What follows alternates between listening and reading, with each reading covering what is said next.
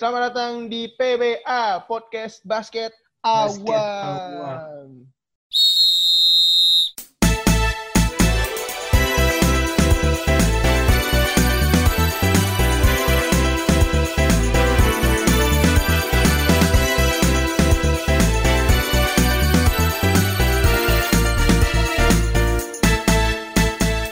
Kali ini kita akan membahas eh, s- yang enggak yang enggak relate dengan berita hot sekarang, Pak. Soalnya kan kalau lagi yang sekarang ini dia lagi podcast podcast eh apa? Podcast lagi.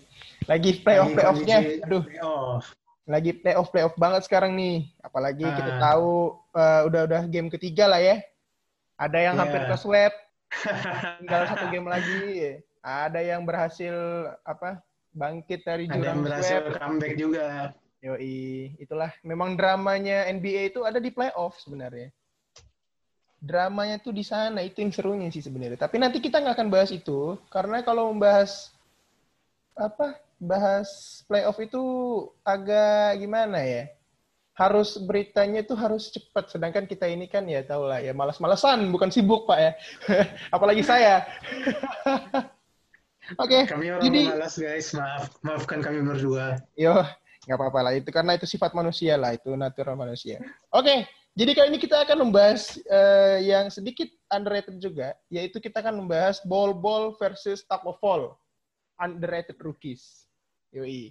Kenapa So, so, kita akan bahas itu Pak? Bentar, sebelum itu kita kasih ini dulu. Kenapa sih aku mau ngangkat berit ini, ngangkat tema ini? Sebenarnya simple. Nah, betul. Karena ada keirian dari hati saya, seorang pendukung Takovol ya. Itu ball-ball dimainkan oleh Denver Nuggets sangat ya udah dipercayain lah oleh coachnya. Akhirnya dia dimasukin di bubble. Dan akhirnya kan lihat kan akhirnya udah hampir Ya. kena drug test, Pak. itu butuh di drug test. Sedangkan Takovol itu kayak ya jadi bench warmer aja, kadang main, kadang enggak. Iya. Bahkan enggak enggak se-booming dulu. Padahal dia punya potensi nih. Nah, tapi sebelum itu kita kasih background ini dulu. Kita kasih background dulu lah. Eh, apa data data-data dari si bol-bol dengan Takovol. Kita mulai dari bol-bol dulu lah ya. Ball. Gimana tuh ball? Nih, bol-bol. Ya kita tahu dia bol-bol ini anaknya dari Manut Bol karena nama belakangnya kan bol kan. Bol-bol Betul. ini seorang anak dari pemain bola basket eh, mantan sih mantan pemain NBA Manut Bol eh, dari Washington Bullets sebelum sebelumnya Washington Wizards.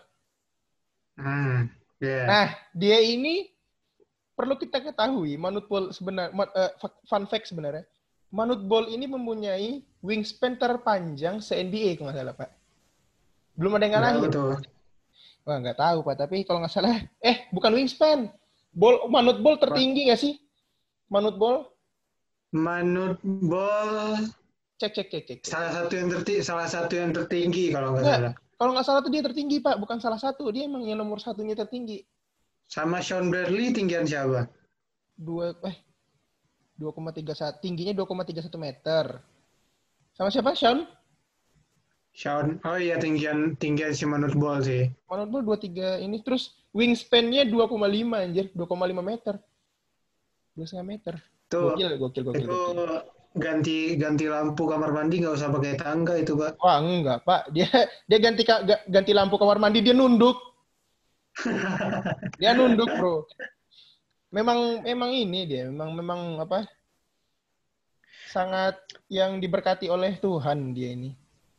Dunia kejam ya pak. Ya, tapi kayaknya tapi salah satu pemain yang bisa dibilang cemerlang lah. Walaupun nggak se ya kita tahu lah zaman-zaman dulu kan seperti ya mungkin Jordan, Pippen atau mungkin Kobe dan juga Shaquille atau atau mungkin turun lagi ke. Yao Ming, Yao Ming dan Tracy McGrady zaman-zaman itu lah. Kan dia ketutup Hmm. sama itu. Nah, karena dia ada dia ada darah-darah dari Manut Bol tinggi-tingginya, Pak. Ya, pasti lah. Dia karena anaknya inilah ya, apa? Anak resmi, apa sih namanya?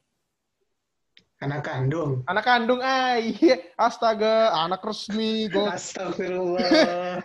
Sorry, Pak. Dia kan anak resmi dari Manut Bol. Jadi kayak ya DNA-nya masih ada lah, DNA, DNA tinggi gitu. Iya. Terus eh, dari Takovol nih. Takovol ini dia oh iya sebelum dari sebelum itu bol-bol ini, Pak. Bol-bol itu masuk draft pick ronde 2 kalau nggak salah. Iya. Dia masuk Padahal banyak- kedua. Padahal banyak yang memprospekkan dia buat buat jatuh di Ronde 1. di ronde pertama, tapi ya banyak banyak eh, scouting dari tim juga yang mungkin mengira. Soalnya lo lihat badannya sendiri itu kayak kurus banget, bos. Iya, iya, iya. Ngeri-ngeri. Kayak Emang kayak daging sama sekali. rentan gitu ya, riskan kalau ngambil gitu. Iya, Apalagi- riskan buat diambil. Apalagi zaman sekarang kan mainnya itu eksplosif, terus kayak Hmm, dita- ditambah kalau nggak salah dia punya riwayat cedera juga kalau nggak salah. oh gitu. Makanya bisa jatuh bebas ke round 2 itu bisa karena itu salah satunya. Hmm. Kalau Takovol gimana tuh Takovol? Oh iya, ini Takovol nih ya. Takovol, my favorite player nih. Mas kebetulan. Tako Tuesday nih, tak El Haji Tako Takovol. Tuesday. Yoi. Eh Takovol ini tingginya, oh nggak setinggi bol-bol ya. Dia 2,2, 2,2 meter. 2,2. 2,2 meter, tapi ya terus lebih tua gitu loh. Dia umurnya 24 tahun. Kalau bol-bol tadi dia Hmm. masih 20 tahunan lah. Oh, si muda ya. Masih muda. Tapi dengan wingspan-nya lumayan panjang juga sih, 2,5 meter juga. Makanya menurutku ini menjadi per- apa perdebatan yang bisa dibilang apple to apple lah. Hmm. Kenapa? Mainnya Nah, di posisi yang sama. iya, di posisi yang sama tapi dengan nasib yang berbeda, Pak. Ini nih, ini menurutku agak miris dan anehnya tidak ada yang berani mengambil Takovol. Oke, kita mulai dari sekarang nih Bentar, perdebatannya. bentar. Sebelum itu, Takovol pick ke, pick ke berapa? Kalau, kalau boleh tahu, pick ronde 2 juga kan? Nah, Takovol itu nggak masuk pick, Pak. Dia undrafted pick. Oh iya, Andra. Dia invitation invitation tryout dari oh ini dikasih sama si Boston Celtic.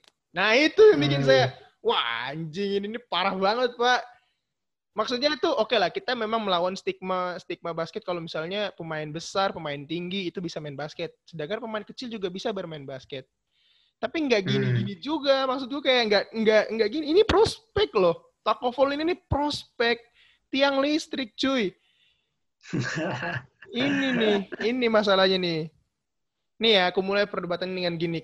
Perdebatan dengan kenapa seorang Takovol ini harus tidak masuk dalam draft pick. Ini menurutku adalah kayak, man, this kind of, this sucks, man. Kayak, bro, eh, wak- eh, apalagi waktu itu aku pernah ngeliat, aku pernah nonton highlight, atau highlight apa, pokoknya ya highlight antara, kan dari Tak- Takovol ini kan dari UCF. Sedangkan Ya, Zion. Williamson dan RJ Barrett itu dari Duke. Duh. Nah, Hmm. kemarin waktu 2018 apa 2000 2018 March Madness itu mereka sempat Iya. bertemu. Mereka Oh sempat iya, bertemu, Pak. Kalah sama Duke kan? Iya kalah sama Duke, beda berapa poin? Tipis. Tipis satu poin, Iya, pokoknya beda tipis. beda beda satu bola lah. Nah, di sini perannya Takovol itu sangat ini loh di awal-awal game. Di awal-awal game dia bisa ya nggak nge-shutdown Zion secara langsung, tapi dia memberikan perlawanan lah terhadap si Zion. Meskipun poinnya Iya, memang iya. tidak terlalu banyak.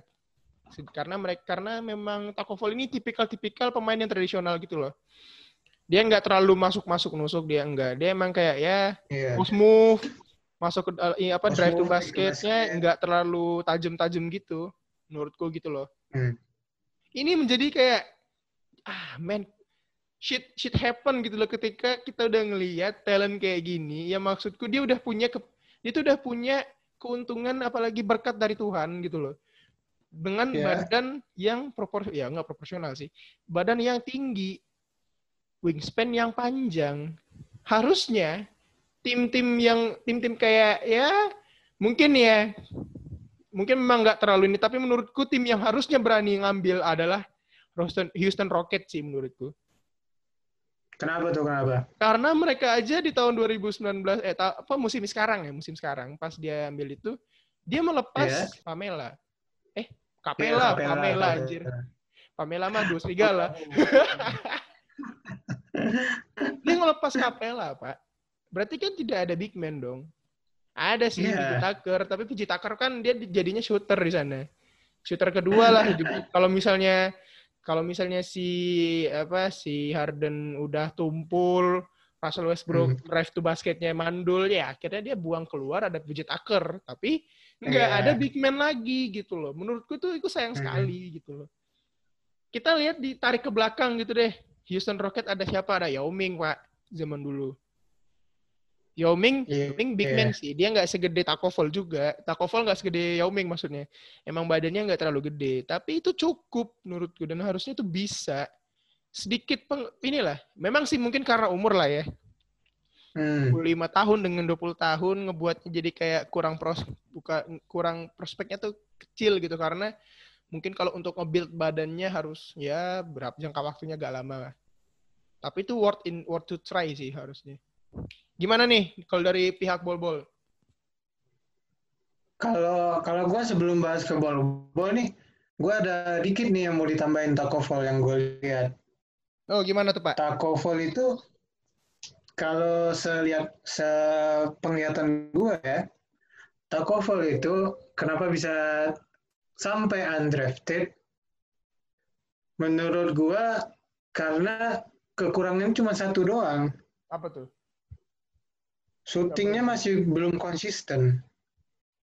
Oke. nggak se nggak sekonsisten yang dimiliki oleh bol-bol itu aja sebenarnya kalau yang gue lihat ya dia dia ingin main basket big man tradisional tapi kurang nggak sekuat itu loh maksudnya Hmm, iya, kita iya, lihat iya. sekarang big man big man tradisional di NBA itu kita ambil contoh yang masih top sekarang itu Andre Drummond. Andre Oke. Drummond itu walaupun ya lu bilang ya Andre Drummond lambat bla bla bla ini ini. Tapi lihat statistiknya. PR-nya berapa? PR-nya termasuk tinggi loh di NBA dan juga dia masih bisa control the glass. Statistik rebound-nya termasuk kalau nggak salah top 5 di NBA kalau nggak salah. Mm-mm. Andre Drummond. Dan strength itu yang tidak di tidak diperlihatkan Takovol pada saat ya mungkin di kampusnya dia bagus tapi mungkin waktu trial mungkin bisa jadi Iya sih, salah kayaknya. satu penyebab dia terjun bebas waktu trial trial trial draftnya dan kalau gue sedikit counter nih sama pendapat lo tadi Boleh, boleh, boleh, Pak. Gimana tuh? Uh, menurut gue justru bukan Rocket yang cocok buat Takovol kalau bisa kemarin Ke mana Gue lebih bagusnya dia masuk ke Golden State. Kenapa demikian? Soalnya Golden State emang kita lihat mainnya bola bola bola small ball kan. Nah, Tapi ada kalanya coach, coach Steve Kerr pasti akan mainkan big man satu atau dua yang benar-benar big man, bukan Draymond Green ya. Draymond Green itu bisa kita ya Draymond Green itu PJ Tucker versi nggak bisa nembak lah ibaratnya. Iya sih. Oke, oke. Setuju, setuju, setuju. Nah. setuju. Kadang-kadang Steve Kerr itu bisa mengharmoniskan antara yang yang benar-benar small ball dengan dia bisa eh, nyambungkan dengan strategi yang ada big man-nya, big man tradisionalnya. Ambil contoh dulu ada Andrew Bogut, David Lee di Ah, Golden State. Ya, oh Jadi iya. mereka bisa ya enggak seenggaknya sub in sub out-nya tuh lancar gitu. Itu yang gue lihat. Dan mungkin itu ya kalau gue lihat dari Takovol. Dan untuk permainannya bagus sih menurut gue untuk seorang rookie. Mungkin belum dipercaya aja. Dan kalau gue lihat prospeknya Takovol mending dijadiin seorang paint protector yang bagus sih. Model-modelan Rudy Gobert kalau bisa. Eh, menurut betul, gue ya betul, betul, betul. model-modelan Rudy Gobert itu udah udah caur caur parah defense-nya kalau gitu.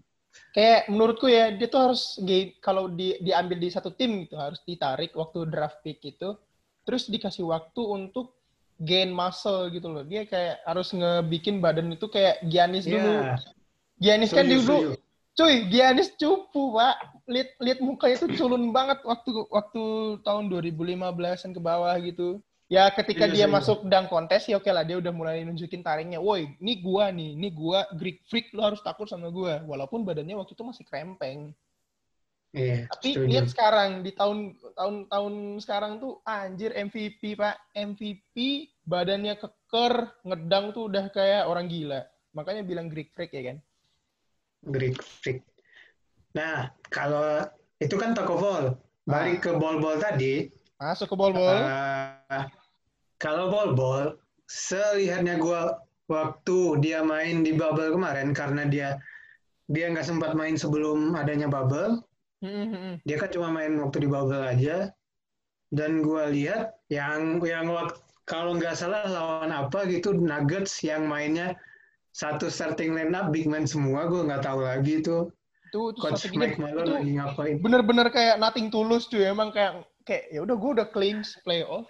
Ya, gue gua- ngetes, gue ngetes aja.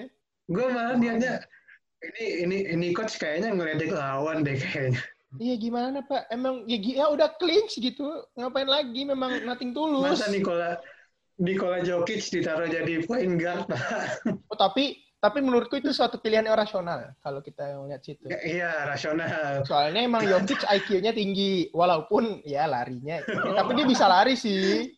Dia bisa lari, cuman agak lucu aja ngeliat ngeliat point guard, point guard big man. kan. berlima big man semua big man semua Iya betul, aneh sih kayak all big man versus all smart, all short man lah waktu itu. nah tapi waktu itu si ball ball ini step up the game kan waktu di bubble itu dia bisa bisa kalau nggak salah memberikan kejutan sampai-sampai ada yang bilang kalau dia itu bakal jadi the next-nya Giannis atau sebagainya. Tapi gua rasa modelannya nggak modelan Giannis, emang nggak model-modelan Giannis. Kalau mau ke Dia- model Giannis enggak sih? Nggak model Giannis. Dia dia mainnya juga di posisi yang beda. Dan gua rasa ball-ball itu bisa jadi kalau emang badannya kekar ya, gua ngebayangin bisa jadi the next Joel Embiid sih. Dengan dengan height dengan height yang lebih tinggi Mm-mm. dan mungkin ntar bisa bangun masa ototnya. Mm-mm. Gua kira itu bisa sih.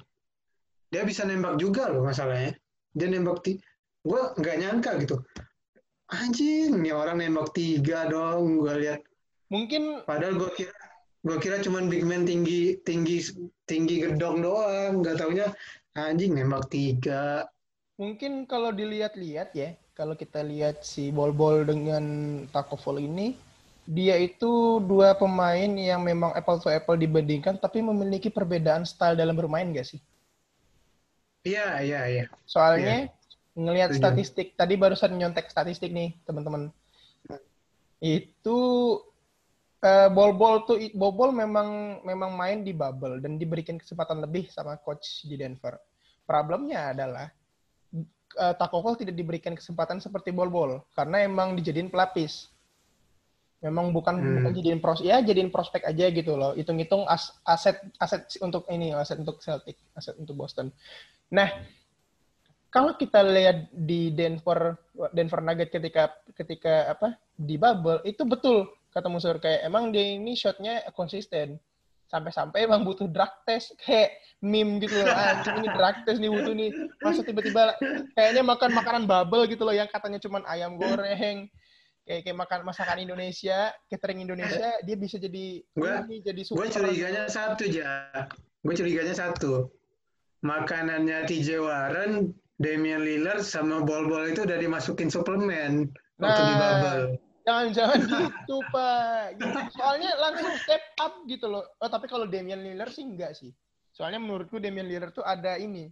Dia itu dipancing sama tim musuh, Clippers. Hmm. Pat Bev dengan PG-13 itu bener-bener kayak, wah ini ini gue harus ngejar nih anjing. Mereka ngeledek gue. Sudahlah. Oh, nggak bisa. Approve it, man. tapi saudara saya sudah mengakui sesampah, sesampah itu ternyata PG-13 di playoff, Pak.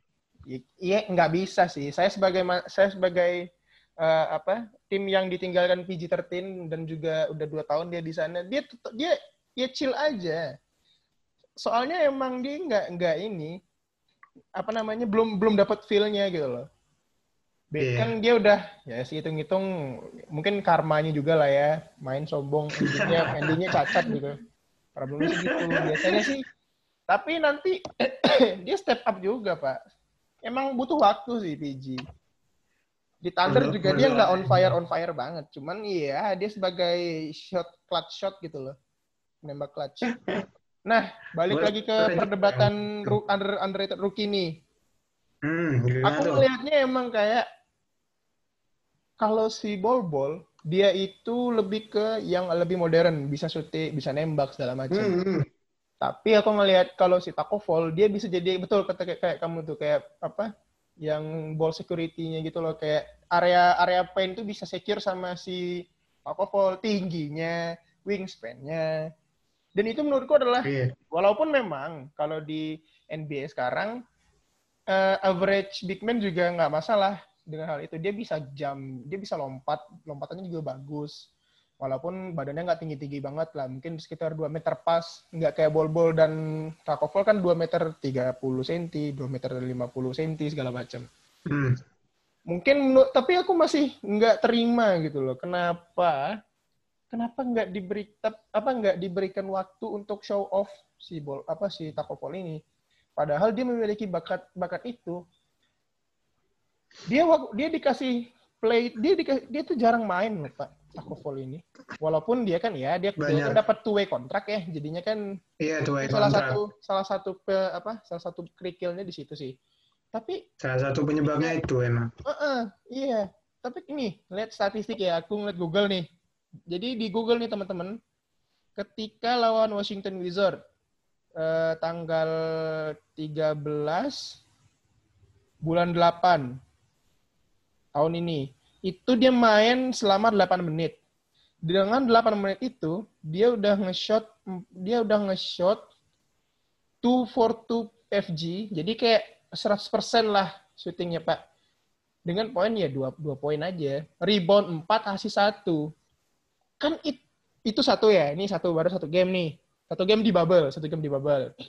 Terus dikasih menit 3 menit sama dikasih main 3 menit lawan Philadelphia 76ers pada tanggal ini, ini kapan nih? Du- 20 per 20 8. Agustus. 20 Agustus ya. Nih, Hmm. dia akhir dia bisa cetak poin satu per satu. eh, dia main tiga menit, nyetak tiga poin. F field goalnya satu satu per satu, which is 100%. Rebound satu, assist nol. Berarti kan minute play-nya kecil, Pak. Beside mungkin energi yang energi yang dipunya mungkin ya, mungkin dia emang dia nggak bisa, di stamina-nya mungkin kecil segala macam. Tapi kalau diberikan waktu lebih lama, at least 15 menit main gitu loh dampaknya gede loh. Itu bisa memberikan dampak lebih terhadap tim. Dan menurutku itu salah satu makanya yang ngebuat dia underrated rookie ya itu. Padahal kalau mau di, padahal kalau diberikan kesempatan, ayo, bo, ayo ini, fall kamu main, nggak apa-apa. Mau sekali ini gimana nanti latihan aja kayak gitu. Itu bisa jadi aset, jadi naik. Itu pak yang disayangkan pak. Sa- Satu lagi sih yang menurut gua menghalangi menit bermainnya Takovol sendiri itu kebar- keberadaan coach Brad Stevens sendiri sih sebenarnya. Coach siapa sih coach ini? Coach Celtic ya? Coach Brad Steven Celtic. Oh iya. Eh, coach Brad itu setahu gua make big man-nya dari dulu itu emang big man big man yang udah nggak tradisional lagi. Dia nggak bak jarang make big man big man tradisional. Dan sebenarnya dia lebih ke big man big man modern kayak kalau dulu Aaron Baines kalau nggak salah sebelum sekarang kan Dan- Daniel Tays kalau nggak salah yang di Celtic. Sebelumnya Aaron Baines yang ketika mereka push sampai semifinal wilayah timur, Aaron Baines kan lumayan bisa nembak tiga walaupun walaupun akurasinya jelek banget, seenggaknya dia bisa nembak tiga gitu. Dan gue Oh. emang nggak cocok strategi Brad Stevens sama sama big man big man tradisional yang ada sekarang. Makanya gue bilang kayaknya di samping dari kontraknya yang two way kontrak yang dia harus bolak-balik antara Boston Celtic, Boston Celtic dan juga apa Main- eh, main Red Claw. Red Claw, Red Claw. main Claw ya main Claw. Ya, ah, iya, main Claw. Ah, itulah pokoknya. Eh, itu juga jadi salah satu penyebab penyebab dia kurang menit bermainnya juga. Emang emang eh, gaya bermainnya Brad Steven beda, nggak make big man tradisional kalau gue lihatnya. Mungkin itu sih salah satu penyebabnya juga. Dan ya lihat Celtic tahun sekarang, mereka nggak terlalu banyak pakai big man juga masalahnya. Iya sih kalau emang Soalnya kalau sekarang dia lebih ke ini shooter. ya. Iya, mereka lebih banyak mainin wingman sih. Malahan posisi empatnya kan yang isi biasanya Gordon Hayward kan, Oh, iya. bukan big mereka andelin big man paling cuman si Enes Kanter ya. Iya, Enes Kanter dan itu cuma buat kalau gue lihat Celtic itu emang cuma satu big man dalam di setiap mereka main itu cuma satu big man, satu big man, satu big man. Nggak pernah gue lihat Celtic itu memainkan dua big man sekaligus gitu. Mungkin itu sih berbeda halnya dengan Denver Nugget. Kalau Denver Nugget mereka masih main big man tradisional walaupun untuk pelapis. Contohnya kayak Mason Plumlee yang Ah, di Denver Nugget atau Jeremy Grant itu Jeremy Grant nggak termasuk big man sih. Dia nggak termasuk big man, nggak. Ya dibandingkan big man De- Denver, dia jadi small man, Pak. Iya, iya, iya. Soalnya bandingan di Denver Nuggets itu ya Plumlee, terus bisa dilihat ada Jokic. Kecil Ya, jadi gitu. itu kurus dia. Nggak kurus kurus banget sih. Salah satunya itu tadi ja eh, kecocok ketidakcocokan antara strategi pelatih dan juga gaya bermain sih kalau menurut gue di kasus Takovol. Kebetulan bol-bol aja dia ketemu coach yang pas. Iya, iya benar sih, benar sih, setuju, setuju, setuju. Tapi satu lagi sih, satu lagi, satu lagi, nambahin lagi. Eh gua nggak merasa bol-bol itu bakal dijadiin prospek di Nugget sih. Justru Wah, kenapa tuh? gua bakal lihat ke depannya malah bol-bol itu menurut gua bakal jadi aset pertukaran. In case Jokic, Murray dan kawan-kawan nggak bisa step up lebih jauh minimal ke final wilayah untuk tahun ini. Dan Oh, gua rasa jadi- itu nggak mungkin. Jadi langsung di trade nih, jadi kayak langsung bahan trade tahun ini, tahun Iya. depan. Iya, kalau kalau kata gua, soalnya dia lumayan pemain muda, masih bisa dibuild, bisa nembak, big man yang modern. Kalau menurut gua gitu, soalnya big man di Nugget udah udah cocok lah sekarang. Dan menit bermain yang dikasih kemarin itu kayak cuman percobaan nih, nunjukin, oh ini kita ada aset nih bol-bol. Yuk siapa yang mau trade sama kita kalau kita nggak berhasil musim depan, ayo gitu. Oh gila sih, aku ngeliat kepalamu itu udah kayak orang-orang kapitalis sana. jahat, parah, jahat, jahat. Tapi bener sih, that's a business in NBA, right? Ya, Nggak ya. bisa dipungkiri NBA adalah bisnis. Tapi Nah, di side sport, dia juga bisnis juga, harus jalan. Cuman, ya, rugi sih kalau menurutku kalau kalau Denver Nuggets menjadikan itu sebagai alat pertukaran. Meskipun nanti mereka dapat dapat trade bagus gitu loh. Pasti nanti kayak OKC endingnya. First round pick. Coba Anda ceritakan First- sebagai sebagai fans yang sakit hati bagaimana tuh? Soalnya Thunder itu selalu dapat keuntung. Dia tuh emang Billy Donovan, coach Billy Don- Donovan ini dia kayaknya cenayang. ya. Gimana? Soalnya dia tuh bisa, dia kayaknya punya prospek panjang di Thunder. Which is itu sebenarnya bagus, nggak masalah. Cuman dia itu nekat gitu loh, jual icon atau enggak ya iconnya salah satu pemainnya kayak si Brody dan juga juga apa juga Paul George sih yang kemarin itu. Melo Melo nggak masuk. Melo kurang step up. Melo nggak di- sebenarnya Iya. Melo nggak dibutuhkan di Thunder waktu itu. Ah, Beda dengan itu beda dengan Blazer Melo ya. Trail Blazers Iya. Melo. Itu salah Itu- satu contoh lain ja di mana gaya bermain tidak cocok dengan strategi pelatih. Nah, iya betul sih, saya setuju Setuju nggak? ya? Bener kan? Setuju, setuju, setuju, setuju, setuju dengan Anda kayak gitu. Soalnya emang coach Billy Donovan ini bingung juga. Dia ngatur tiga superstar itu kayak gimana? Dia emang kayaknya nggak bisa nggak bisa ngatur superstar, Pak. Nggak bisa. Nggak kayak coach Brook apa sih? Coach yang sebelum Billy Donovan itu loh, yang bisa Scott mengatur Brooks. Ya, Scott Brooks. Dia bisa ngebikin rising star, akhirnya jadi star gitu loh. Walaupun endingnya pecah juga itu dinasti. Dia bisa ngebawa Thunder sampai final M- final NBA, final playoff. Itu sih gokil sih. Cuman ya balik lagi nih ya. Mereka berbeda. Eh, apa eh, dari sisi bisnisnya juga berbeda sih menurutku kalau misalnya kalau pakai pakai bol-bol dan takovol ini. Takovol ini walaupun umurnya ya 25 sayangnya sih dia umurnya 25 masuk NBA. Dia emang kurang berharga dalam kurung aset gitu loh. Tanda petik berharga dalam kurung aset. Tapi dia bisa jadi prospek, Pak. Bisa, bisa.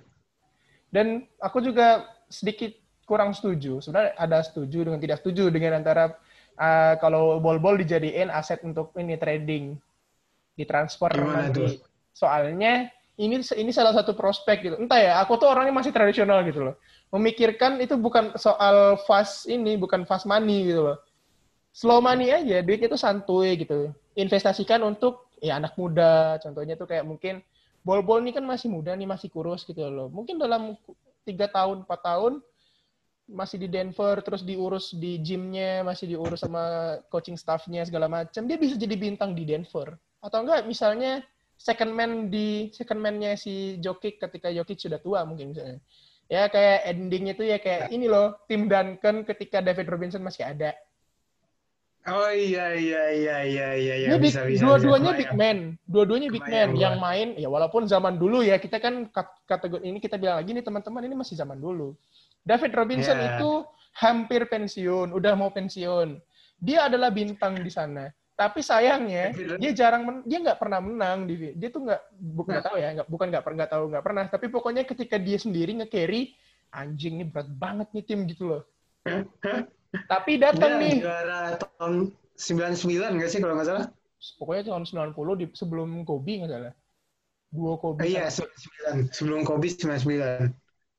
Pokoknya abis Jordan nggak sih? 98 nya Iya, Jordan. habis Jordan, habis Trionya Habis abis itu masuk tuh. Main Steve Kerr di sana. Ingat ya, lumayan-lumayan lah ya ingat lah. Nah, balik lagi ke ini nih. Mereka itu tuh tandem bagus menurutku gitu loh. Apalagi ketika si David Robinson ini udah agak ya nggak terlalu powerful, nggak terlalu bukan powerful, apa? Eksplosif banget kayak dulu, nggak terlalu ganas di lapangan. Tapi ada nih bocah namanya Tim Duncan, rookie masuk akhirnya membantu David Robinson untuk menjadi ya untuk dan membantu Spurs juga untuk meraih ini cincin keberapa ya lupa eh pokoknya dia dapat cincin Cincin. dari tahun gitu kasihan lah. Spurs Iya. pokoknya pokoknya pokoknya guys buat pendengar ya David Robinson itu sampai pernah ngomong gini. Uh, uh, the most beautiful thing in my career is Tim Duncan. Kenapa? iya jelas dong Di akhir di akhir karirnya di mana David Robinson menyerah untuk mengejar title. Nothing tulus lah ya itu tuh kayak main tuh wah udahlah aku pokoknya ini terakhir jalanin se, se- Ah. ya terserah gitu loh aku udah pasrah. Iya. tapi datang dia udah ada niat-niat buat nge- ngejar-ngejar juara lagi nggak tahu ya. Ada bocah nih anak anak renang nggak taunya main basket. Aduh ternyata caur. Aduh gue pengen juara deh. Masuk, gitu. Makanya itu kayak belajar dari pengalaman aja sih menurutku kayak rugi kalau misalnya pem, apa tim-tim sekarang investasiinnya tuh duit cepet pas money. hmm, Menurutku Iya, lebih iya, enak iya. tuh kayak ya slow money aja gitu loh. Apalagi mereka tuh masih di rentang umur dua, di bawah 30 tahun. Mereka masih bisa berkembang. masih panjang lah ya Iya. Aku ngeliat bol-bol itu kalau misalnya dia ya oke lah, walaupun saya pendukung Takovol, eh, tapi kalau bol-bol masih bisa masih di Denver Nugget terus dilatih terus ya ma- apa menggan, menggan apa me- menyempurnakan strategi dengan big man segala macam, ya dia bisa jadi mungkin kayak Giannis sih. Giannis satu kumpu.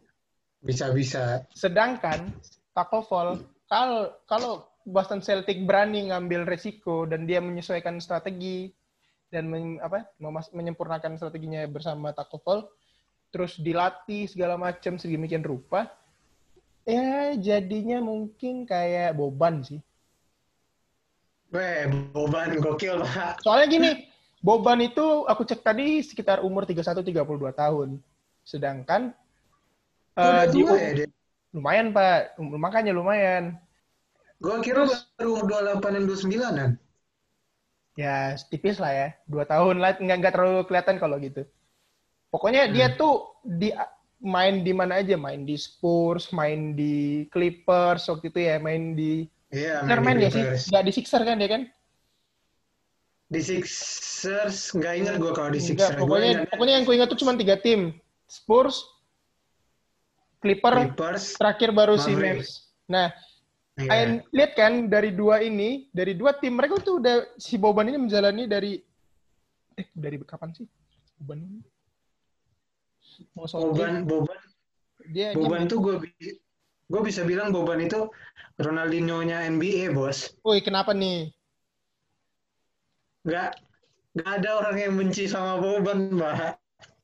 Woi, nggak bisa ya. Tidak bisa. Bisa, Anda tidak bisa benci Boban Marjanovic, Pak. Nggak bisa, Pak. Nggak bisa. Dia dia dia wawancara sama Sheikh aja gue ngakak-ngakak. Ini- Walaupun tim gua tim gua habis kalah. tapi dia emang nggak wawancara bisa sama, sih. Sama Sheikh langsung ketahuan Nah. Fun fact, fun fact, si Boban, Borban Marjanovic itu di draft tahun 2010, tapi undrafted. Jadi Oh, undrafted. Jadi dia undrafted dan butuh 10 tahun untuk dia akhirnya bersinar ya sedikit sedikit bersinar sih sekarang. Kalau dulu kan juga bersinar, cuman dia nggak eksplosif eksplosif banget gitu loh. Padahal ya dia ini di draft pun dari Euro sih, dari Euro team all all star all, apa first team gitu loh, Euro League first team. Dan ya dia emang di di di daerah asalnya emang dia udah OP lah gitu. Jadi emang di, dilihat gitu loh beda memang beda sih sama si Takovol yang memang harus merintis dari awal kalau mau kayak gitu ya mungkin di umur Tiga bulan ke atas nggak sih? tiga tiga tiga satu tiga dua deh Tiga dua ya, tiga dua. tapi pun di umur 28 menurutku bisa kalau memang latihannya kayak ini kayak intensif gitu dan diurus sama timnya. Tapi menurutku pintar sih dengan two way kontraknya itu. Boston Celtics salah satu langkah yang langkah investasi sih menurutku. Cuman ketika dia lagi di Celtic dia nggak diberikan waktu yang banyak. Itu aja sih yang aku sayangkan. Hmm, betul. padahal Betul, kalau padahal kalau misalnya diberikan waktu yang banyak waktu yang proper ketika si Takovol ini masuk wah itu bagus sih menurutku itu chance-nya chance untuk berkembangnya lebih besar Sebenarnya, sebenarnya gue mikirnya kan ke- kemarin Celtic itu udah udah clear the seat waktu playoff kan. Mending yang Hmm. waktu mereka udah clear clear seat buat playoff, mending waktu pertandingan-pertandingan selanjutnya itu diberikan kepada pemain-pemain yang jarang mereka mainkan. ah betul Ki- Kita bisa juga showcase nih, oh ini orang sejauh mana nih iya ekspektasinya iya iya memenuhi realitanya. Ha, betul betul jadi kayak Eh. ya sekaligus inilah ya ber, apa research and development juga lah ya Iya, iya. Dan ya tapi balik lagi itu semua keputusan coach dan jajaran kepelatihannya dan Aku- kita nggak bisa maksa juga. Aku nggak ngecam aku nggak kecewa cuman saya ingat agak menyayangkan aja kalau misalnya dia nggak dapat porsi yang pas aja sih gitu menurutku Hmm. aku full. Padahal dia bisa. Makanya ketika ke- jadi kayak oh yaudah aku udah oh aku udah aman dan anteng ketika ngelihat oh ya udah nggak apa-apa. Dia udah dapat way kontrak aja udah syukur kok. Soalnya dia undrafted juga- nggak dapat draft itu sih- itu itu anjing sih. Itu menurutku kayak men itu dia kalau dia di NBA itu orang paling tinggi Takovol tuh yang yang aktif ya, yang aktif sekarang. Yang kedua Lebih si Boban. Yang keduanya si Boban. Oh kedua Boban. kedua Boban. Nah, kayak wah ini enggak ini enggak diambil, wah. Pertama sih emang aku nggak terlalu ngikutin, tapi ketika aku taunya ah paling round 2, draft pick ronde kedua nih dibilang kan. Cek cek cek telusur telusur anjir nggak dimasukin, nggak dapet draft gitu. Wah, parah sih, kecewa, Pak. Parah parah. Bahkan sekelas New York Knicks itu itu kurang ajar menurutku. mentang-mentang dia udah dapat RJ so, no offense ya ini no offense untuk pendukung pendukung New York Knicks. Tapi men tim lu nggak ter, tim timmu itu nggak ini nggak bersyukur gitu loh. Mentang-mentang cuman mentang-mentang udah dapat RJ Barrett yang second eh, second position round round one pick itu kayak oh gua udah dapat round udah dapat nomor dua ini nomor dua ronde pertama ngapain gua ngambil yang lain men kamu salah besar padahal padahal apa supporter supporternya di dalam gedung ketika draft pick itu wah tako fall itu tuh udah banyak yang pakai jersey New York Knicks dan meminta dia ya berharap kalau kalau Knicks sendiri akhirnya ngedraft si Takovol. Endingnya apa? Ah, ya walaupun RJ kurang bersinar karena apa? Kurang support. Timmu tuh kurang coach. Aduh. Mampus sekarang kau dapat posisi 6 kan, gak dapat kau dalam posisi 5 besar. Gila kesel banget. Pak, Gua gua ketawa sih lu mention lu mention New York Knicks. ya gimana? Aduh, kayak sayang gitu padahal peluang untuk mendapatkan itu lebih besar. Tapi tapi kalau menurut gua kalau RJ Barrett boleh lah duluan. Tapi seenggaknya satu satu pick di bawah RJ Barrett harusnya diambil tuh, bener sih. Eh, RJ Barrett di bawahnya siapa? Enggak, maksud gua satu pick New York Knicks lagi. Oh. Kan pick picknya bukan satu doang kan. Oh iya iya iya. Maksud gua RJ Barrett satu nggak apa-apa buat New York Knicks. Seenggaknya yang nomor duanya ambil ambil Takovol gitu kan maksudnya. Betul, kayak masa otot tuh bisa dilatih, tapi tinggi enggak. Ya enggak sih? Iya, ting Iya, tinggi bisa. itu- mungkin pakai tinggi minum, itu kalau pakai susu bonito, terus segala macam mungkin bisa tuh. Tinggi. tapi tolong, enggak enggak instan gitu, enggak instan, Pak. Tidak ada Yang, yang bisa pengaruhnya, instan, Bapak. ya, Tidak ada. juga. Yang Saya minum cepet deh, bonito dari SD. yang yang cepat gitu, yang cepat yang bisa ditumbuhkan apa ya otot, masa otot. Nah, Gak masalah gitu loh. Sayang banget. Zion aja ketika lockdown pas main di bubble naik kan masa ototnya berkurang Hmm, berat badan iya. jadinya naik masa otot. Itu aja bisa, ini nggak bisa. Eh, Lu, aduh, kamu nggak mikir itu. Aduh, itu makanya aku kayak kesel gitu kalau kalau ada orang yang apalagi kemarin guys, tuh yang keselnya PBA ini Fareza lagi pusing banget lihat pusing, New York Knicks. Soalnya apalagi itu kayak media lagi menggembar-gemborkan bol-bol gitu. Anjir, anjir kayak man, you have a you have a one of the tallest guy that active in NBA right now. Then you you just don't give them a credit. Wah, anjir sih. Itu aja aku kayak kayak, kayak ya ya, memang sih nggak setiap eh, memang basket itu nggak cuma milik orang tinggi. Tapi nggak gitu. Itu namanya diskriminasi orang tinggi juga, cuy. Parah, men. Makanya ini ini kayaknya episode marah-marah ini. Parah. Gua ketawa sih. Itu sih kalau dari aku, Sur. Menurutmu gimana tuh kalau yang kalau yang apa? Yang menurutmu aja sih. Kalau kalau menurut gua ya kalau kalau emang bakal dibuild dan bakal let's say Takovol tuh itu jadi tanda kutip ya eh, bisa jadi kayak Big Ben sih. Big Ben waktu di Detroit Pistons waktu juara. Big Ben, Ben Wallace. Iya Ben Wallace. Oh, Salah oh Bad Boys. Eh, bukan Bad Boys kan zamannya Isaiah Thomas. Oh, dia Ini zaman? Big Ben nggak masuk. enggak itu zaman kalau Big Ben itu zaman 2004. Oh, oke. 2004 Detroit Pistons. Itu bisa jadi salah satu undrafted big man terbaik sih kalau emang jadi ya. Kita garis bawahi dulu jadi. Masalahnya gue nggak yakin nih Celtic tuh tim yang cocok buat ngebuild pemain. Tim-tim yang cocok cocok buat ngebuild pemain itu kayak Spurs itu Bentar cocok nge-build-nya dari awal apa nge-build untuk menang gitu? ngebuild dari awal. Ngebuild dari Pemain. awal. Berarti nge-build si Ah, pemain ini pemain. dari dari zero to hero gitu ya lah ya. Ah, dari zero. Kita lihat kalau di Spurs, jebolan-jebolan Spurs, Marco Balinelli, kita nggak tahu sama sekali Marco Balinelli siapa dulu. Eh, Patty Mills, sekarang jadi point guard utama di timnas Australia. Marco Balinelli jadi Nggak usah jauh-jauh. Nggak usah jauh-jauh. Nggak usah jauh-jauh. Ah. Kawhi Leonard udah. Ya nggak sih? Nah, nah, nah. Close. Endingnya ya Nah. walaupun tap ya the close itu ketika dia apa masa-masa dia sophomore year itu dia juga udah kayak greget gitu loh. Hmm. 2014 sih menang Tapi- rookie, of the year ya kalau salah ya. Tapi, tapi emang emang terbukti Spurs itu buat ngedevelop pemain yang nggak main-main. Betul sih. Dan gue belum lihat ya tim lain yang ngebuild pemain se sededikasinya Spurs itu belum ada sih kalau gue lihat. Dan Celtic menurut gue enggak sih Celtic buat bukan tim yang tim yang ngebuild pemain sih. Mereka Jadi- dapat starternya sekarang dari Kemba, Kemba dari Hornets, Gordon Hayward dari Utah Jazz. Uh, Jason Tatum itu bisa dibilang udah jadi, Bas baru masuk. Ngedang ngedang depan LeBron, Pak. Gimana ceritanya itu? Iya betul sih. Terus Jalen Jalen Brown, Jalen Brown itu Jalen Brown itu masuk tinggal dipoles sedikit jadi waktu itu. Nah satu lagi tim di bawah Spurs yang gue gue lihat dedikasinya untuk ngebul pemain itu bagus, Utah Jazz.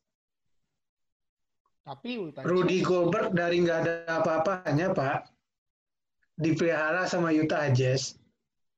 Ah, Milwaukee kan? Bucks juga bagus. Ah, kan? Milwaukee Bucks. Berarti ketika dia dipelihara dengan baik oleh suatu tim, maka dia jadi aset terpenting kan? Nah, daripada jadi menurutku trading ya apa development is more than trading asset gitu loh. Aset eh, hmm. itu kayak ya main kalau mau main duit cepet, memang sih pengeluarannya mungkin gede di awal, tapi mungkin bisa kalau ngejar ngejar ring ya gitu. Tapi kalau mau main santai, terus dapat ini dapat apa namanya respect dari pemainnya juga ya. Bisa lah itu harusnya. Sayang aja sih. Makanya aku tuh masih kayak ah elah prinsip orang-orang zaman sekarang tuh duit duit duit duit bisnis bisnis bisnis. Loyalty tuh nggak ada di NBA padahal itu yang khas dari NBA kayak royalty pemain, itu pemain, is more than loyalty. Ah shit man. That's kind of that's kind of the, pemain paling loyal sekarang siapa sih? Uh, Stephen Curry bukan pemain paling apa? Pemain loyal sekarang yang masih aktif. Pemain loyal ya? Pemain loyal. Paling loyal kalau nggak salah Stephen Oh, paling Curry loyal ya? ada, ada paling loyal Pak Kevin Durant.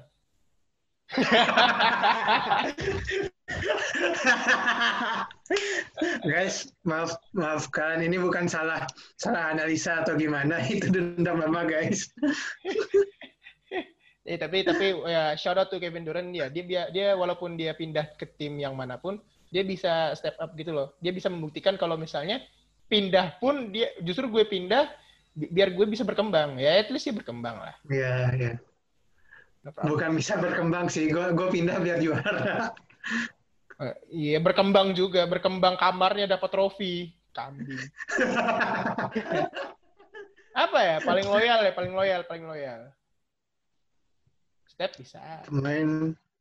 Kayaknya kayaknya step Curry deh Clay step dengan Clay sih itu Splash yeah, Brother itu paling karena lama masih iya yeah, one of the paling lama itu. Damian Lillard men walaupun saya adalah uh, tim yang dirugikan oleh Damian Lillard di ta, di in, apa playoff tahun kemarin, tapi shout out to Damian Lillard dia one of the ini apa player yang loyalitasnya tuh bisa dibilang gokil sih. Tahun berapa Damian ya Lillard ya? Menurut gua nggak udah nggak akan pindah-pindah lagi sih. Nggak. Nggak akan dia icon di dia icon di Blazers. Dan Blazers dia dia sendiri udah ngomong I'm gonna be the greatest blazer of all time katanya. That's it. Pun kalau eh, nggak mungkin pindah juga sih. Soalnya ya nggak tahu ya. Kita sotoy peran apa sotoy prediction aja dia nggak akan pindah soalnya timnya lagi nyaman. Iya ada sih. dia ada tandemnya. Tandem di tandem guardnya ada si Jim McCollum itu udah bagus tuh. Terus ada tandem shooternya si Carmelo Anthony. Hmm. Terus big man big man-nya juga bisa syuting akhirnya. Hasan Whiteside. Akhirnya, akhirnya, akhirnya Hasan akhirnya bisa syuting setelah dia dilatih sama lethal shooter. dia akhirnya bisa syuting. Itu one of ya saya inilah ya apa suatu yang ha, satu hal yang harus dihargai. Salah satu coach shooting terbaik di NBA. Out lethal yeah. shooter. Leta shooter, shout out because you are a coach that can develop a player to shoot with uh, grinding and lock in. Stay lock in. Akhirnya free throw percentage Hasan Whiteside naik ya akhirnya. Makanya, jadi kayak dia nggak terlalu uh, player yang tradisional cuma bisa rebound, rebound, assist doang kan endingnya kan. Dia juga akhirnya bisa memberikan sumbangan poin di free throw. Makanya menurutku kayak ah melihat loyalitas pemain itu sangat kurang sekarang. Kalau misalnya Takovol dan Celtic itu memiliki chemistry yang baik, kayaknya sih bisa sih jadi bintang di sana. Walaupun katamu tadi bisa. Walaupun katamu tadi kayak memang Celtic itu bukan ya strategi pemainnya dia nggak dia nggak ngembangin pemain. Kalau sekarang nggak Iya. ngembangin pemain gitu.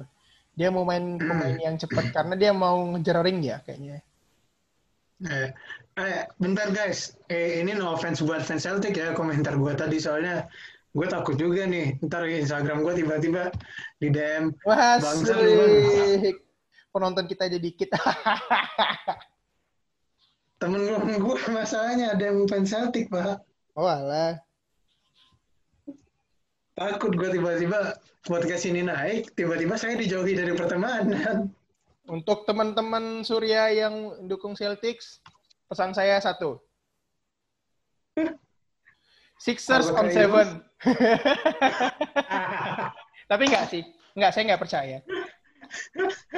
Sixers gak akan Sixers mungkin. on seven Terlalu terlalu Eh. berat. Soalnya Ben Simmons nggak ada. Sixers on seven matahari terbit dari barat pak Oh. Tapi usah bisa jadi sih. deh. Maksudku kayak anything is Sixers- possible, man. A whole Sixers- new game. Sixers on five, Sixers on five aja itu.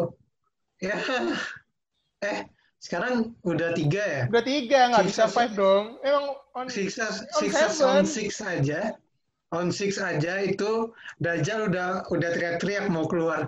Lepaskan aku, aku tidak tahan melihat ini. Apa itu?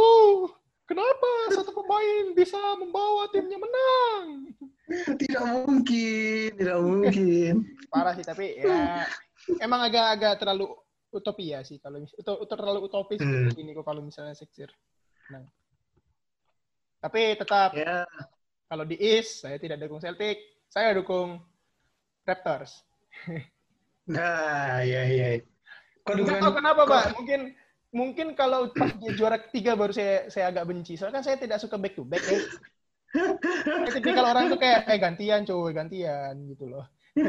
biar seru ya, biar seru, biar Oh, iya. ada pemandangan baru. Enggak, enggak itu itu doang. Akhirnya kan endingnya kalau akhirnya kan perlu kenapa masih suka basket lagi kan masih suka NBA itu ketika masih ada Cavaliers waktu itu. Jadi kontendernya ada. Oh iya, gue lupa satu, satu lagi. Uh, happy birthday to one of the greatest of all time, Kobe Bryant, Wow. hari ini. Iya iya iya. Happy birthday Please to and- Kobe. Semoga kita bisa peace, mendap Kobe. semoga kita bisa inilah ya menerapkan mentalitasnya. Hardworking, Semoga. parah sih tapi ya walau semoga dengan semua, ini semua aspek hidup lah ya dari bisa dari diterapkan. Nggak mesti di basket juga gitu lah ya. Mungkin pendengar-pendengar kita ketika lagi apa? Mungkin pekerjaannya seperti eh, penulis misalnya atau mungkin orang ban- membantu orang tua deh misalnya. Ya dengan membawa mentality Anda Anda bisa bekerja keras. Mungkin ketika penulis deadline-nya segini, Anda sudah selesai sebelum deadline. Atau mungkin membantu orang tua sebelum diusul-usul orang tua tuh udah kelar itu pekerjaan rumah. Itu itu tamparan besar ke muka gua sih sebenarnya. Oh, saya juga Pak. Saya juga ini ini nih nih, nih podcastnya aja nih nggak nggak tentu nih kapan tayang ya kan. Tapi semoga Oh. nambah mentality, semoga ya bisa rutin, bisa konsisten lah. Amin amin amin. Mau nanya nih sedikit sama lu. Boleh, apa tuh? Kira-kira nih Takovol sama Bol-Bol ini kan pemain baru. Iya, iya. Kira-kira tandem cocok buat mereka itu pemain yang kayak gimana? Kalau menurut lo, buat Takovol dan Bol-Bol sendiri. Pertama menurutku karena mereka pemain baru, mereka tidak berhak mendapat tandem dong. Enggak, maksudnya dong. ketika udah di Kecuali Jamoran. Anda- Jamoran baru rookie langsung langsung bisa mendominasi timnya. Itu butuh tandem. Nah, Tapi ketika mereka tidak bisa mendominasi satu tim, sepertinya mereka yang harus jadi tandem gitu. Tapi ten- let's say kalau mereka jadi tandem, tandem siapa cocoknya? Oke, berarti pertanyaan kita kita apa kita upgrade lah ya. Kalau Ah. jadi tandem siapa? Kalau ditandemin siapa? Iya. Oke nih, kalau dia dapat tandem, dapat tandemnya menurutku karena per play-nya berbeda ya. Jadi kayak gini. Untuk my favorite player Takovol, ketik nanti bayanganku Takovol bakalan jadi pemain yang mungkin akan mendominasi defense.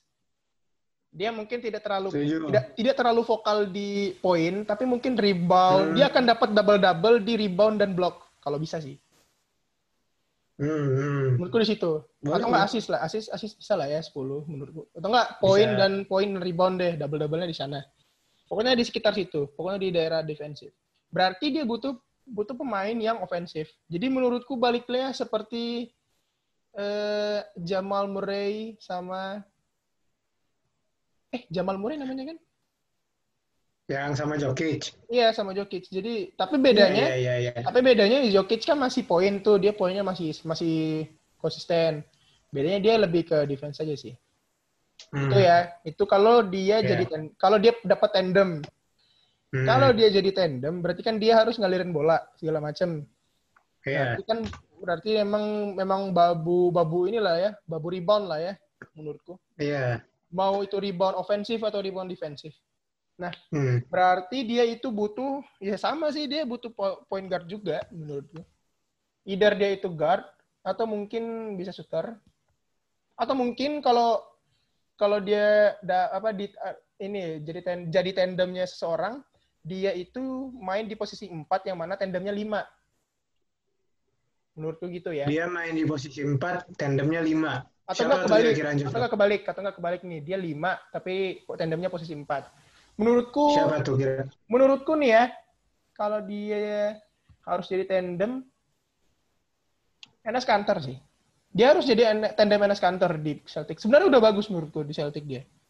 Dia, dia Hmm, bisa Oke, berkembang. boleh. Soalnya gini, sotoy sotoy prediction aja ke saya apa sotoy assumption ya. Soalnya kalau menurutku, jadi Enes Kanter kan kurang tinggi dibanding Tako kayak. Iya, iya. Jadi tugasnya Enes Kanter ini either dia block box out terus Enes Kanternya ngambil, eh Enes Kanter ngambil, Enes Kanter box out terus si Takovol yang ngambil, ngambil rebound atau kebalikannya. Hmm. Memang jadi sih jadi timbal balik gitu, ya. timbal balik gitu kalau dia jadi tandem. Hmm. Tapi kalau dia dapet tandem, ya menurutku karena karena dia nanti bayanganku dia udah bulky, badannya dia udah ototnya udah dapet lah ya gitu, badannya udah keker, nggak keker-keker banget, minimal kuat lah gitu, nggak ringkih ya. Jadi dia bisa Iya, iya. rebound, easy rebound atau nggak langsung dunk kayak Shaq, dia bisa mendominasi. Kan kayak Shaq dan ini ya, kayak apa kayak Shaq dan Kobe, itu kan salah satu ten, duo duo fantastis gitu, fantastis fantastik duo kan. Dan menurutku itu bisa diaplikasikan kalau misalnya si bol apa si bol bol lagi. Si Takovol ini badannya udah agak jadi lah minimal agak jadi menuju keker. Dan dia dapat tandem asis gitu loh yang bisa ngasis ngasis mungkin nih si Fitri tapi tapi kalau gitu dia ngorbanin ini dong. Adams nggak bisa pak. Saya saya perjuangan Adams masuk di squad Thunder itu gokil juga sih tapi tandem Eh, Adams juga bisa makanya nih mungkin tapi ya gitu ya Thunder Thunder udah terlalu penuh dengan pemain-pemain muda jadinya bingung juga kalau mau di develop gitu Iya, iya. BTW, shout out to Thunder yang tadi barusan menang. Wuh, thank you man appreciate it Akhirnya menang juga. Nah, sekarang untuk Takovol nih. Kalau Takovol jadi tandem, harus nandemin Eh, kok tak siapa? Eh, Takovol. Bol- Alah, bol- bro. bol- bol- bol. Sorry, sorry. Bol, bol, bol, bol. Kalau bol-bol jadi tandem, dia harus melayanin siapa? Kalau misalnya dia jadi dijadiin tandem, dia harus dilayanin siapa? Menurutmu? Hmm. Kalau gua hmm, bol-bol itu cocoknya ditemanin seorang point forward seperti LeBron atau Ben Simmons menurut gua Dengan Soalnya- karena ya bisa jadi kayak Anthony Davis sama LeBron lah versi KW-nya hmm, ya ya ya ya ya. bisa Bukan KW dan sih. ditam- Nggak KW, produk lokal. Masa KW? Masa KW? Berkualitas Eh, dong, pro- produk lokal. produk lokal Denver lah maksud, Yoi. maksudnya ya ah, terus? bisa menurut gua kalau ditandemin sama orang yang point forward dan emang fokus buat point forwardnya itu orang yang le- emang lebih fokus ke ke deserve another player itu bakal lebih bagus. Hmm. Semis Ben Simmons bisa lah Ben Simmons kalau jadi tandemnya bol-bol bagus juga. Soalnya bol-bol kan dia juga bisa nembak dari luar. Ketika seorang point forward nerobos ke dalam, dia bisa tuh ngambil keluar stretch stretch the floor. Kalau mentok point forwardnya keluar, bol-bol nembak. Atau point forwardnya emang ngarahin bola ke dalam, bol-bol post up atau ya dream shake dikit, poin gitu. Hmm. Kalau buat dia bagusnya ngelayani siapa, ini yang agak masih bingung gua siapa yang bagusnya. Soalnya tipikal bol-bol itu bukan dilayani, eh bukan melayani lah, iya nggak sih? Iya, dia emang tipe Kemarin tipe- aja dapat rebound nggak mau ngasih Jokic, Pak. Dia tipe-tipe tipe-tipe orang yang kayaknya ya mungkin karena baru adaptasi mungkin belum belum ngerti perputaran bola atau gimana tapi kayaknya nggak mungkin deh Nggak, nggak sih. Kalau mungkin emang ya kayak kayak ini sih bol-bol tuh kayak mau nunjukin kalau misalnya ini ada loh, ini gue, gue tuh ada di sini loh. Soalnya di NBA sendiri tuh Jadi. kayak di eh waktu di draft gitu loh Pak, gila kayak wah dia dapat pro- ini round 2 padahal kan sayang sekali dia harusnya round 1 itu. Dapat round 1 Ka- kalau untuk kalau tadi kan kalau buat dia punya tandem siapa kan bagusnya point forward.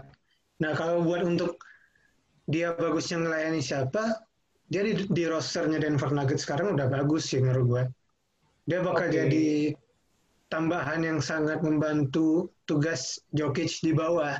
Yang mana Jokic itu kan kita tahu sendiri walaupun dia seorang big man reboundnya rada lemah gitu loh Jokic dan Oke, defense-nya nggak oke. bagus-bagus amat di bawah ring da, dan diharapkan kalau ball-ball bakal dibuild juga jadi orang yang bisa defense yang bagus di bawah ring dan menutup kelemahan Jokic tersebut itu sih kalau dari gua Ya, make sense lah gitu. Memang soalnya emang bol-bol lagi on fire juga sih ya di Denver ya. Hmm ya Emang tinggal penyesuaian sedikit, emang tinggal dikit aja itu dilatih main apa lebih sering lebih sering main aja. Gitu sih. gimana lagi gimana gimana, gimana? Kayaknya gitu dulu lah ya untuk pembahasan kita kali ini. oke Kayaknya udah udah terlalu ngalur nggak ngalur ngidul. Uh, tumben kali ini podcast basket awam nggak ngalur ngidul, Pak. Kita lebih sangat berfokus pada dua pemain ini. Ya, walaupun endingnya adalah sedikit analogi-analogi yang terbawa dan akhirnya ya tapi tetap bisa dibalikin lagi. Wah, gila. Boleh lah ya. Oke, Akhirnya- gitu dulu aja lah ya kayaknya. Thank you, Yep. Sur. Udah nemenin ini yoi podcast. Ah, Selanjutnya apa nih enaknya nih ya?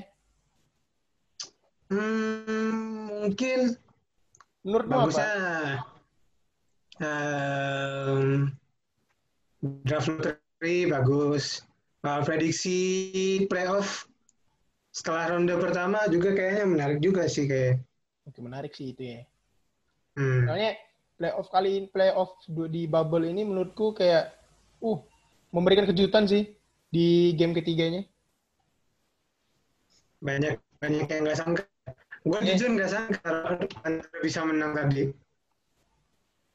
Enggak sih gila. Ini sangat underestimate sih menurutku. Nggak mungkin Anda meragukan LeBron untuk menang lagi walaupun Damian Lillard emang lagi on fire. enggak bukan bukan bukan Lakers gue meragukan Thunder Oh, Thunder. Oh iya sih, ya, ya kalau Thunder. Thunder mah nggak apa-apa. Masuk akal. tapi tapi mulai mulai kelihatan sih Ja yang kita bahas di podcast sebelumnya udah mulai kewalahan big big man Rockets buat ngadepin ngadepin Thunder di bawah ring Soalnya, soalnya ya, menurutku ini salah satu keuntungan keuntungan di bubble gitu loh, menghadapi tim small man Rocket. Main ini istirahat sehari, Betul. Pak. Istirahat cuma sehari, ya nggak sih?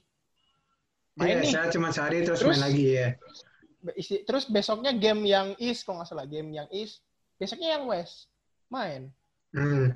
Kayak menurutku, wow, asik nih. Yes, mereka kecapean. Walaupun masih, walaupun Mike D'Antoni nyimpen Brody, itu pinter sih. Menurutku itu pinter sih.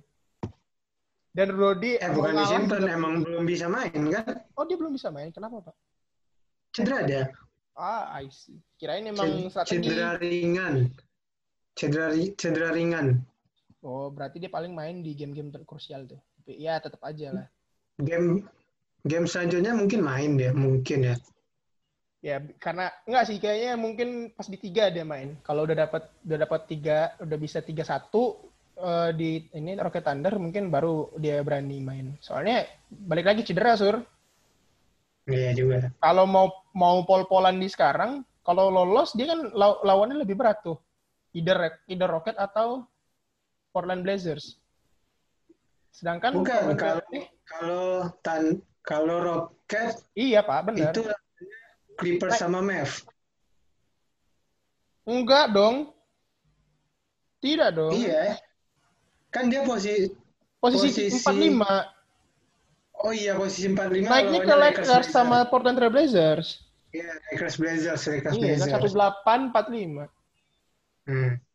Itu sih menurutku kayak bisa Thunder itu tuh bisa bisa bisa jadi ini. Tapi enggak nggak- makanya masalahnya on fire-nya itu baru baru kayak Hydra-nya itu loh kayak apa kayak kartu Yu-Gi-Oh! Three Eyes White Dragon-nya UKC itu baru keluar sekarang.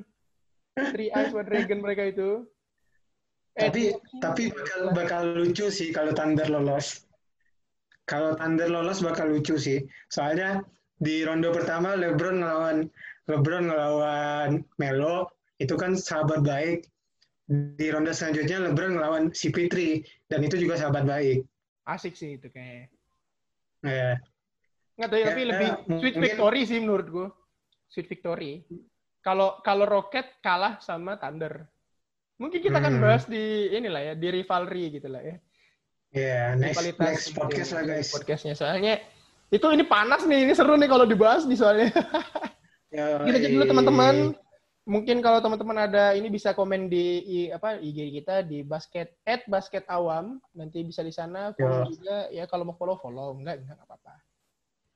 Dan follow, follow juga di Spotify kita PBA Podcast Basket Awam. Asik. Kalau Ada teman-teman kalau teman-teman mau follow juga kita nggak maksa. Oh enggak, enggak apa-apa. Tapi kalau bisa sih Kalau follow. Itu ya. Indonesia style sekali. Oke, segitu aja dulu teman-teman. Terima kasih. Sampai jumpa di podcast selanjutnya. oke.